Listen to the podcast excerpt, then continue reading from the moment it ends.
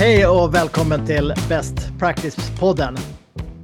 Första avsnittet som är sjukt kul att börja med. Podden som, eh, som handlar om att inspirera till välfungerande person, grupp, ledarutveckling. Och framför allt att liksom gå från teori till, till verklighet. Eh, hur, hur gör man det på riktigt? Så det vill vi inspirera till. Eh, och det, det är i nästan så här ett politiskt syfte tror att det skapar en bättre värld. Personer kommer må bättre, eh, prestera bättre, bli lyckligare. Så det, det är stort det jag tänker att den här podden ska handla om. Och jag som, eh, som håller den heter David Olars, eh, har en passion för, för både personutveckling, ledarutveckling, har förmånen att jobba, har jobbat med det de sista tio åren och älskar det. Första gången eh, som jag gick någon form av kurs i det här äh, var väl för en dryga 20 år sedan på Instastyrkan, äh, där det fanns ett koncept för det här. Äh. Och då är jag ju speciellt glad att i dagens avsnitt så har jag min gode vän Mats Moban, som vi båda har drivit företag tillsammans med, jobbat mycket med grupputveckling tillsammans, men också de här första åren när jag kom i kontakt med personer, grupputveckling, så var han drivande på insatsstyrkan och, och blev senare ansvarig för det. Så varmt välkommen Mats hit in i podden. Tack David, superkul att vara här och få vara med i premiäravsnittet känns liksom extra hedrande. Verkligen ja. roligt. Ja. Jag sa några ord om dig här, men jag tänkte att du, ska, du får fylla på. Vem är du och vem är du idag? Ja, men eh, tack. Det ska, det ska jag försöka mig på. Eh, Ja, men som sagt, Mats Boman heter jag. Jag är idag konsultchef på ett bolag som heter Murphy Solution. Jag ehm, eh, jobbar då med, jag jobbar med krisledning, det vill säga ofta ledningsgrupper, stödjer dem med deras utveckling i hur de ska jobba när de hamnar i kris. Mm. Övning och utbildning och även så här operativt stöd. Så när det väl händer kan de ringa oss och så finns vi med och eh, stödjer dem i den hanteringen. Och utöver det så också, vi har utvecklat teknik för det, så vi säljer liksom en så teknisk plattform. Mm. Ja, det är väl... Jo, men jag måste ju säga också, jag driver ju också podd. Så Just det. det jag, har ju suttit, jag sitter ju ofta på, på andra sidan micken eh, mot dig, så att jag har en podd som heter Krisledningspodden. Eh, och det är också en stor passion som jag har, att jag tycker det är jätteroligt att föra, jag säger inte intervjuer, utan mer så här föra sådana här samtal tycker jag är sjukt givande. Jätteroligt ja. att få vara med. Och du har podd på engelska också? Ja, sen har vi också en till podd, Mostly Crisis Management, absolut. Så det är vårt senaste projekt. Så att, eh, det är en lite mindre podd än så länge, men, men den har jag stora förhoppningar på och tror att den kommer bli eh, där vi börjar få lite internationella lyssnare. Superroligt är det och eh, ja, jag tycker det är fantastiskt. Det är, jag lär mig, jag får kompetensutveckla mig enormt genom att ha de här, ah, ja. de här intervjuerna. Jag tänkte, jag tänkte direkt gå över här till liksom dagens tema. Jag har bjudit in dig för att på något sätt översätta allt det vi har jobbat med teoretiskt till verkliga exempel, liksom hitta best practice.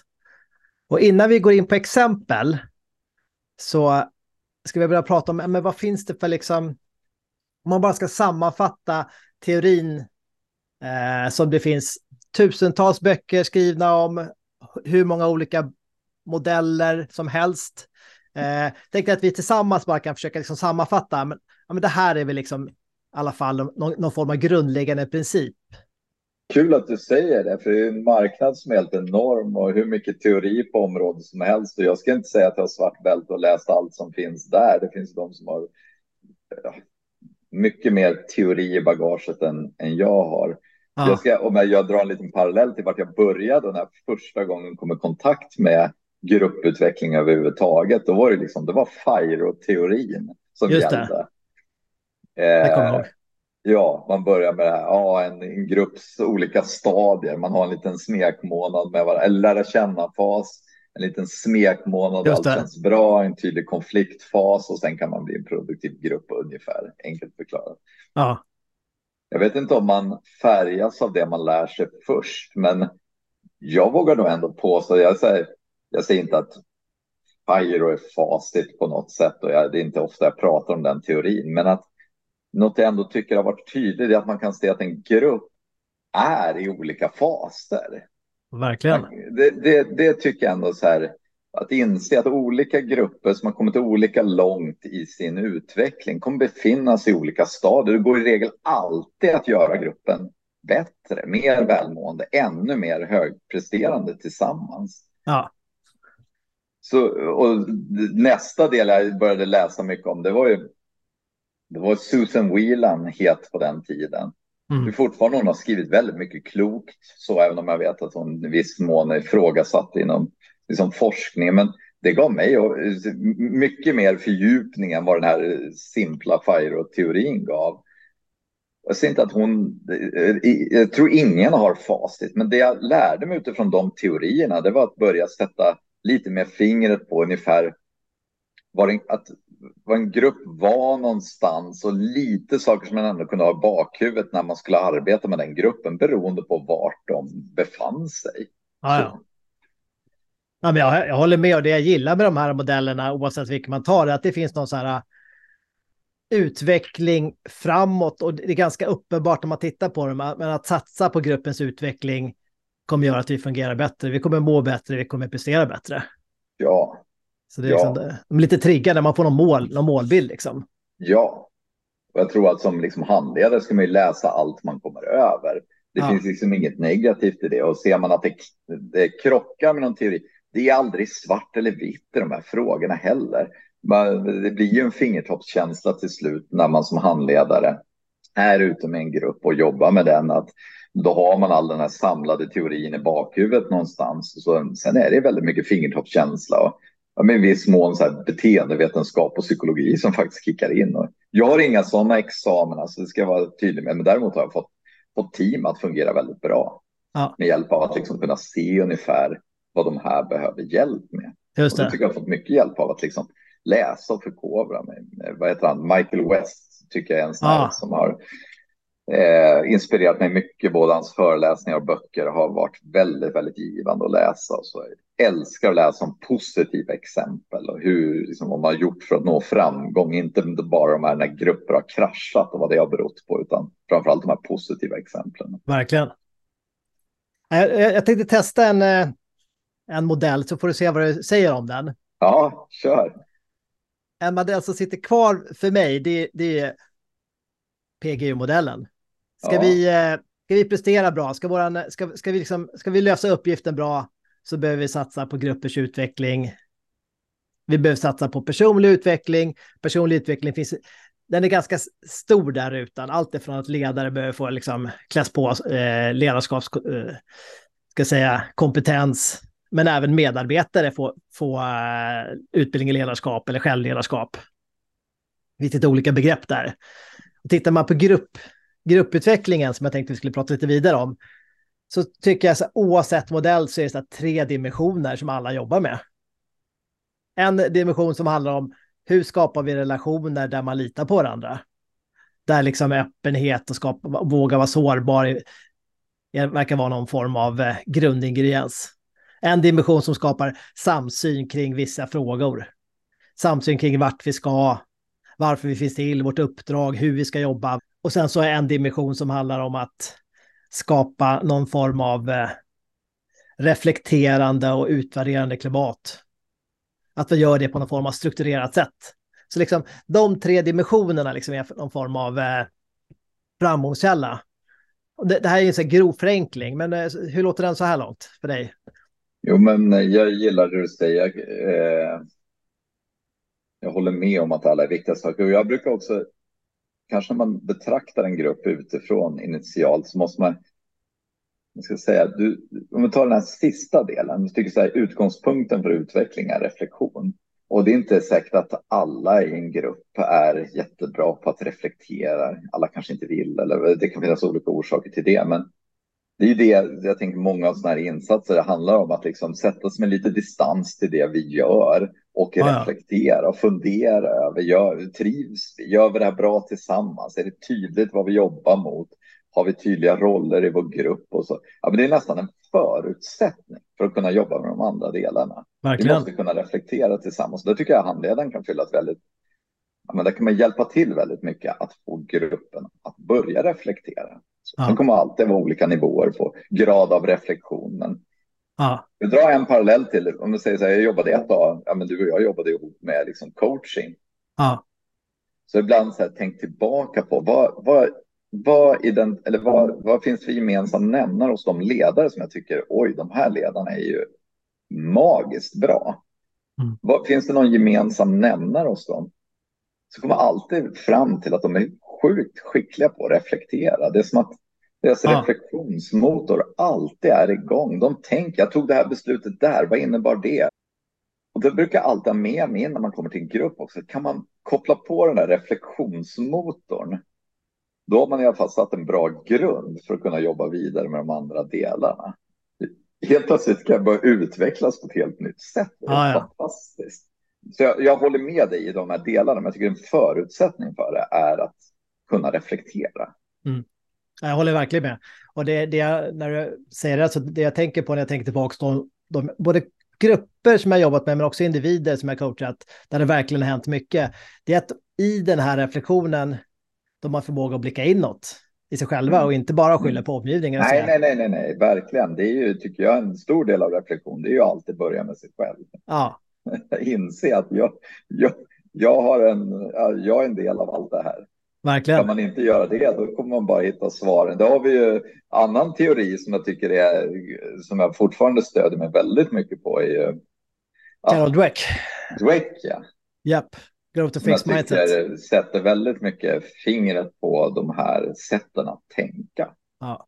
Det har gett mig oerhört mycket och den håller jag väldigt fast i fortfarande idag. Ja, men jag håller med. Teorierna.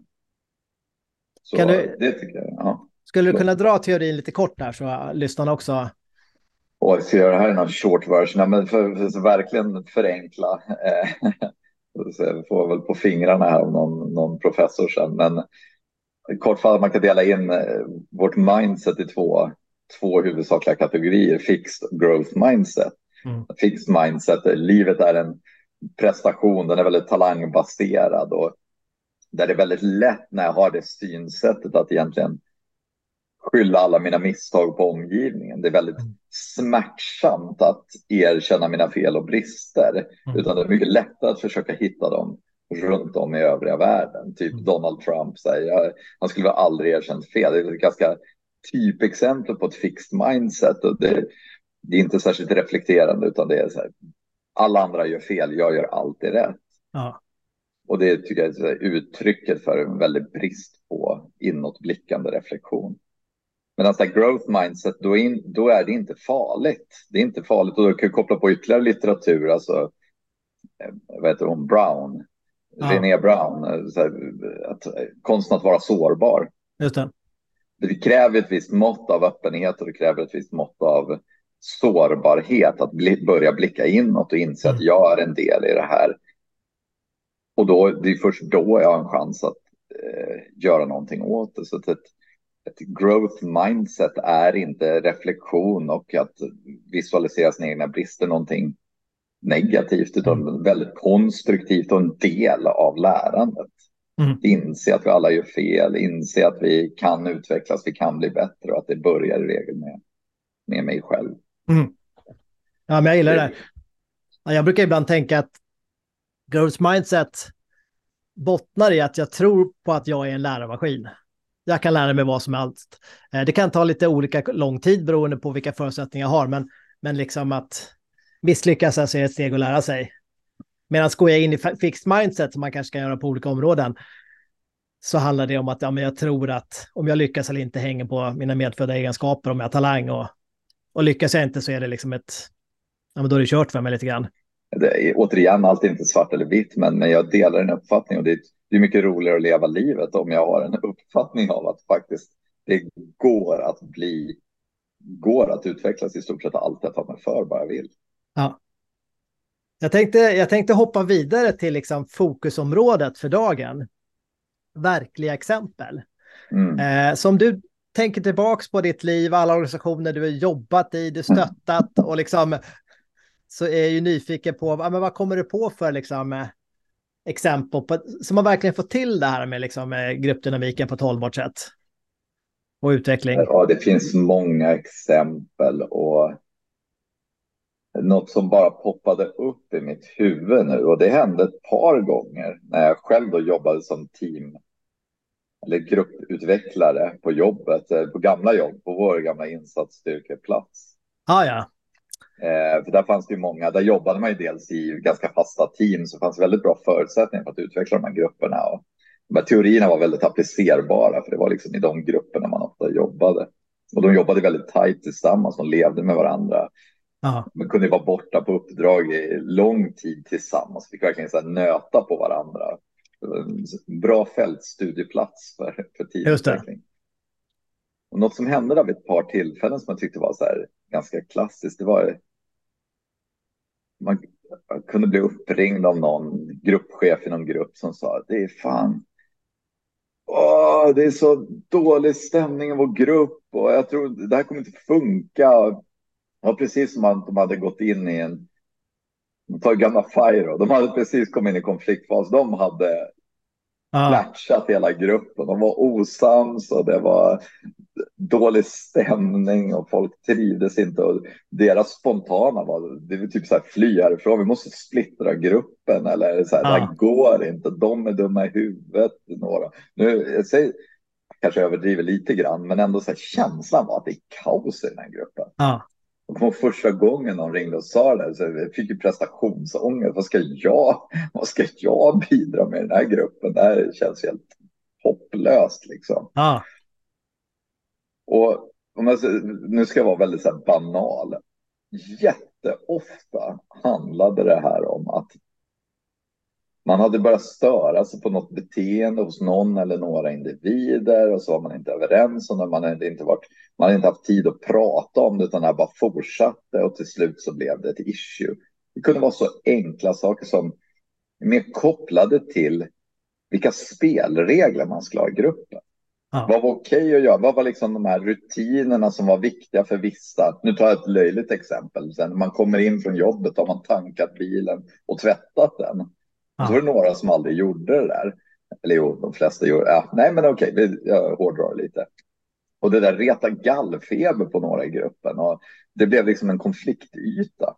Ja. Så hade man inte rätt ut de här ganska så här grundläggande spelreglerna för vad gäller i den här gruppen. Så det gjorde, satte man sig ner och tog fram ett kontrakt, typ enkelt så här. Vad gäller här? Mm. Och då för några som var nya att jobba i grupp och så, så var det tror jag ett uppvaknande att inse att det är inte bara jag här. Det är inte mm. bara mitt sätt att se hur vi ska jobba ihop som gäller. Men att jobba i team, det är att ge och ta, det är att kompromissa. Mm. Det är att eh, om det, är, det här är inte viktigt för mig, men det verkar vara viktigt för dig. Kan vi sätta upp då så att vi kan hitta ett sätt att göra det här på så att inte det leder till konflikt. Mm. Och det innebär att någon måste liksom, okej, okay, så här skulle inte jag gjort det om jag eh, fick göra precis hur jag själv vill. Men att jobba i ett team är att jämka lite mellan varandra. Ah. Och så jädra enkel sak som ibland bara sätta upp lite enklare. Det här gäller den här gruppen. Just det. Löste en massa av de här grejerna som hade legat och grott under tid och folk till slut hade blivit helt galna på och blivit osams och fått den här dåliga stämningen. Snöbollen hade börjat rulla och så blev man, jag ska inte säga titta snett på varandra, men de skapade dålig stämning. Mm. Och det var den dåliga stämningen som man ringde till mig och sa det här är kaos i gruppen. Men det var det inte. Då, det var så här, jag säger inte att det alltid var så enkelt, men det var alltid min första åtgärd. Det var att kolla, så här, ni är överens om vad som gäller i den här gruppen. Ah. Det var ofta något jag och så bara lyfter vi upp det här till ytan och så pratar vi om det och ser om vi kan få ner på papper. Det löser absolut inte all teamutveckling, men, men det var ändå ett sådär tydligt exempel på att ibland är det ganska lågt hängande frukt på det som gror till konflikter som sen eskalerar och så börjar man tycka att den här personen är lat, den här personen ah, ja. är dum och, och det liksom hamnar någon annanstans. Och det kommer jag ihåg när jag reflekterade var så här. Ja, vissa saker hade inte behövt gå så här långt. Det här hade man kunnat gjort på förhand. Så hade vi kanske undvikit vissa av de här. Att det behöver gå så långt. Så det är en sån sak som jag ibland slås av. Att det här med teamutveckling behöver inte alltid vara så avancerat. Utan ibland är det ganska man behöver inte sätta sig ner och reda ut varenda konflikt, utan det bottnar i någonting annat som ibland är ganska lätt att, att hantera faktiskt. Ja, verkligen. Jag får ju eh, väldigt många tankar när du, när du drar det här exempel och berättar. Och det första jag tänker på är att jag, jag delar ju den minnesbilden att insatsstyrkan var en plats där eh, vi och, och du lyckades verkligen skapa välfungerande grupper. Och när jag tänker tillbaka på de här exemplen så är, är det, ja, men de ringde ganska tidigt till dig. I många andra organisationer jag träffar så, så, så kan det gå extremt lång tid och, och konflikterna går ut över verksamheten. Där var det ändå förhållandevis tidigt man ringde. Ja, men där var ju beredd att avsätta, eh, två saker jag måste kommentera med det. Ett, man var beredd att avsätta tid. Ja. Eh, vår första chef där, Bertil Olofsson, han insåg i tid, det här är viktigt. Ska ja. vi få det här att funka när det är skarpt, då måste avsätta tid för det här. Så det var aldrig, så om, vi, om en grupp sa vi behöver avsätta tid för det, då fick man den tiden. Ah, ja. det, det, var liksom, det var betongplattan varpå liksom uppdraget kunde fullföljas. Men det andra, och det tycker jag är viktigt att säga, det var inte jag som löste det här åt gruppen. Jag kunde handleda dem och kunde hjälpa dem kanske att sätta fingret på det. Men sen var det gruppen som gjorde jobbet. Mm. Jag tror också är väldigt viktigt att säga att det, de måste ha ägarskap för sina egna problem. Mm. Och målet med att ha en handledare inne är att själv hitta strategier för att kunna hantera det här framåt. Så och det, det säger jag bara, för nu sa du nästan som att jag löste det. Mm. Och det gjorde jag inte. Jag kunde hjälpa dem att sätta fingret på det. Men, men det var väldigt viktigt att gruppen själva löste det och att gruppen själva framåt hittade strategier att hantera om det dök upp igen. Mm. Det tycker jag är viktigt. Ja, men och när jag tänker tillbaka på, på det liksom varför man lyckades där så otroligt bra, eller vi gjorde det, så tänker jag nog ganska mycket också att det handlade om att man prioriterade frågan. Och som du sa, Bertil, man satt, det, här är, det här är viktigt, grupperna måste ficka, liksom fungera, det har hög prioritet. Jag, jag, träffar många andra organisationer som säger det också, men de, de lever inte. De är reaktiva och jag vet inte, du brukar ju ibland utbilda på, på eh, Eisenhower Matrix de här eh, viktigt, oviktigt, bråttom eller ej bråttom. Om man bara jobbar i den här rutan, bråttom, viktigt, inte händer med sånt som inte är bråttom, som i stort sett alltid, det här är grupputveckling och ledarutveckling är ju sällan bråttom, ja men då missar man det. Äh, ja, det är man. Och då, ja. då, krävs det, jag tror det krävs planering, att man prioriterar där, planerar och avsätter dagar som, eh, som vi hade en struktur för. Ja, ska... man måste få in det här också som en viktig del i systemet. Ja, där är många organisationer väldigt så här. När de årsplanerar och så, så de ofta där har ledarskapsutveckling och ofta får ofta den tid det kräver. Yep. Där är så här, ja, men nu ska skicka ledarna på utbildning och så, men gruppen, den, den bara, har vi bara en bra ledare så löser det här sig. Jag mm. tycker det var en styrka att kunna sitta hela gruppen och inse att det här är inte, det är inte bara ledaren som som löser de här frågorna, utan det är gruppen tillsammans med ledaren. Eh, och det kan jag nog tänka mig att man tänker så här, ja men ledare, det har vi alltid planerat för att de, de ska gå sina utbildningar, de ska utvecklas som ledare. Men mm. när vi pratar teamutveckling så, så måste man göra det tillsammans.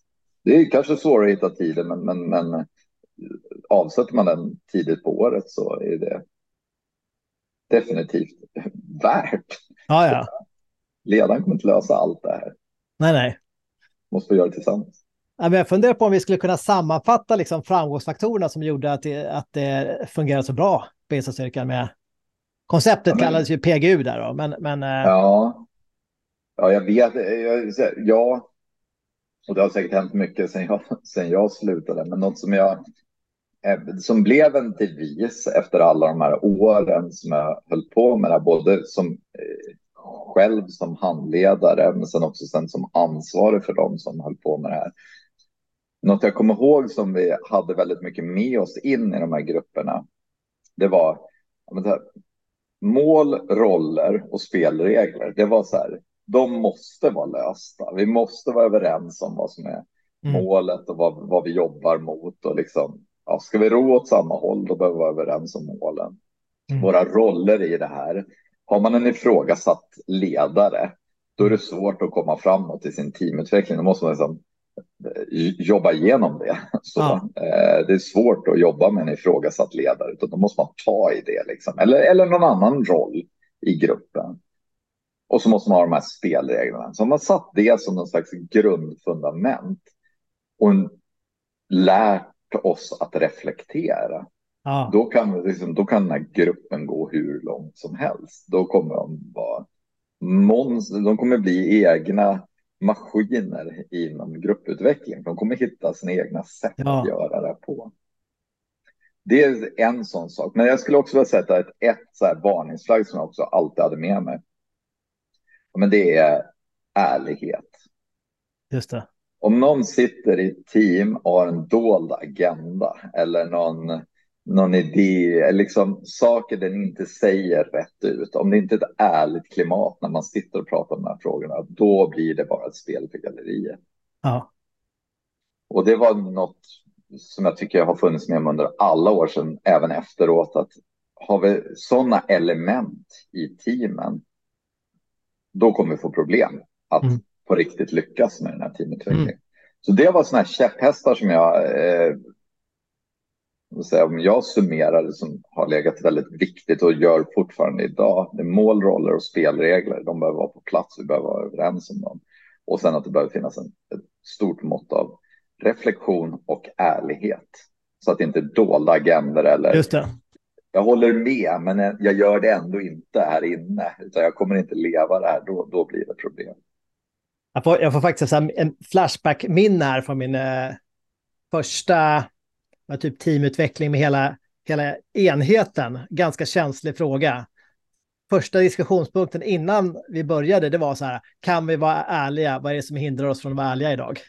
Jaha. Så jobbar vi med den ja. frågan. Ja, som var super, supernyttig liksom och skapa någon form av plattform för att vi sen skulle lyckas. Ja, och den är svår att avkräva och det här är liksom, det är det som kanske ibland skälper en massa saker, att det finns någon där som som sen ändå inte med goda avsikter liksom vill framåt och vill tillsammans att vi gör det här på ett bra sätt. Det är, allt är inte guld och grön skog. Jag, sa, jag gillar att läsa de positiva exemplen. Jag gillar att läsa eh, men, men det ska man, man ska inte glömma bort heller att det är ibland någonting som kan skälpa hela, hela alltet. Och det, det kräver ett avsnitt själv att prata om, om just den problematiken, både hur man identifierar den och, och det är de lägena jag tror att där tror jag ibland man måste bryta upp gruppen och man måste yep. plocka ut en sån individ. Yep. Jag tänkte lägga till en, en så framgångsfaktor på din lista där. När jag tänker tillbaka på framgångsfaktorer Mm. så tror jag en så jättestor del var den här under grundutbildningen fick alla en vecka med, med liksom personlig utveckling, förstå gruppprocesser, förstå sig själv, lära känna sig själv. Som jag tror var helt avgörande också för att skapa det du var inne på, det här reflektionsmindsetet i det vidare arbetet. Liksom. Och sen, och, och sen att också så här, framöver när det kom nya i gruppen, att man, att man la tid på att lära känna varandra. Och, Uh. Verkligen, håller med dig 100 procent. Och där också tror jag så här, att utbildas att läsa och förstå de här delarna är en del i den reflektionen. Mm. Uh, så ja, absolut, jag håller med.